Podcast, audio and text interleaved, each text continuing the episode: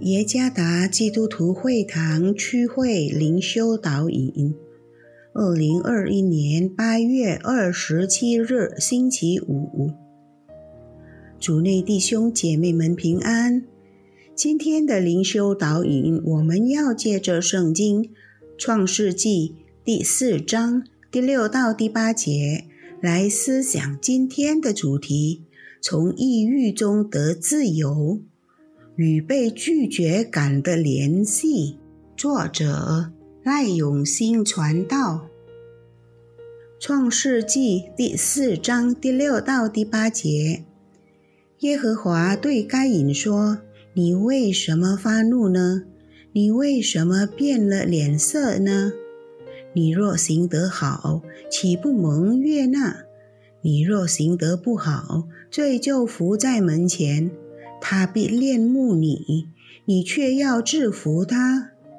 该隐与他兄弟亚伯说话，二人正在田间。该隐起来打他兄弟亚伯，把他杀了。你有过被拒绝的感觉吗？如果有的话，那么你肯定知道那是什么感觉。被拒绝的人会感到受伤、悲伤，毫无价值，毫无意义。这些感受会影响他，无论是在家庭、学校、工作场所、教会以及社会的自我和与他人的关系。心理学教授杰拉尔丁·唐尼说。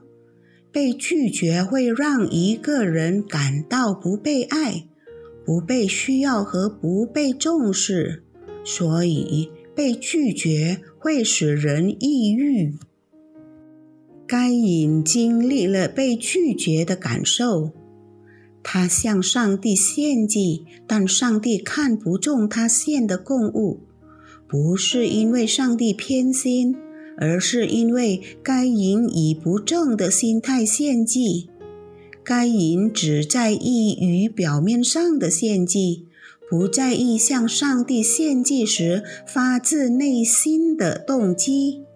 所以，当他献的供物被上帝拒绝时，他感到非常失望和愤怒，觉得不被重视、不被爱，并毫无意义。他的愤怒被描述为如同沸水，这意味着他的心被怒火所控制了。该隐拒绝平息怒火，反而让他焚烧他的心灵，然后透过杀死他的亲弟弟来发泄。该隐忽略了上帝的提醒。第六到第七节，尽管那是对他好的提醒，以便他能平息怒火，而慢慢接受上帝的劝告。上帝的提醒和劝告可以帮助该隐从因被拒绝而产生的抑郁中得自由。然而，他忽略了这些，与经历过拒绝。不被重视、不被记述的大卫王相比，大卫说：“我父母离弃我，耶和华必收留我。”参看诗篇二十七篇第十节。很明显的，诗人不允许他的心因被拒绝而受怒火控制，相反的。将他的心献给了上帝的爱所掌管。也许我们经历过被人人拒绝的感受，我们感到非常悲伤、受伤、毫无价值、毫无意义。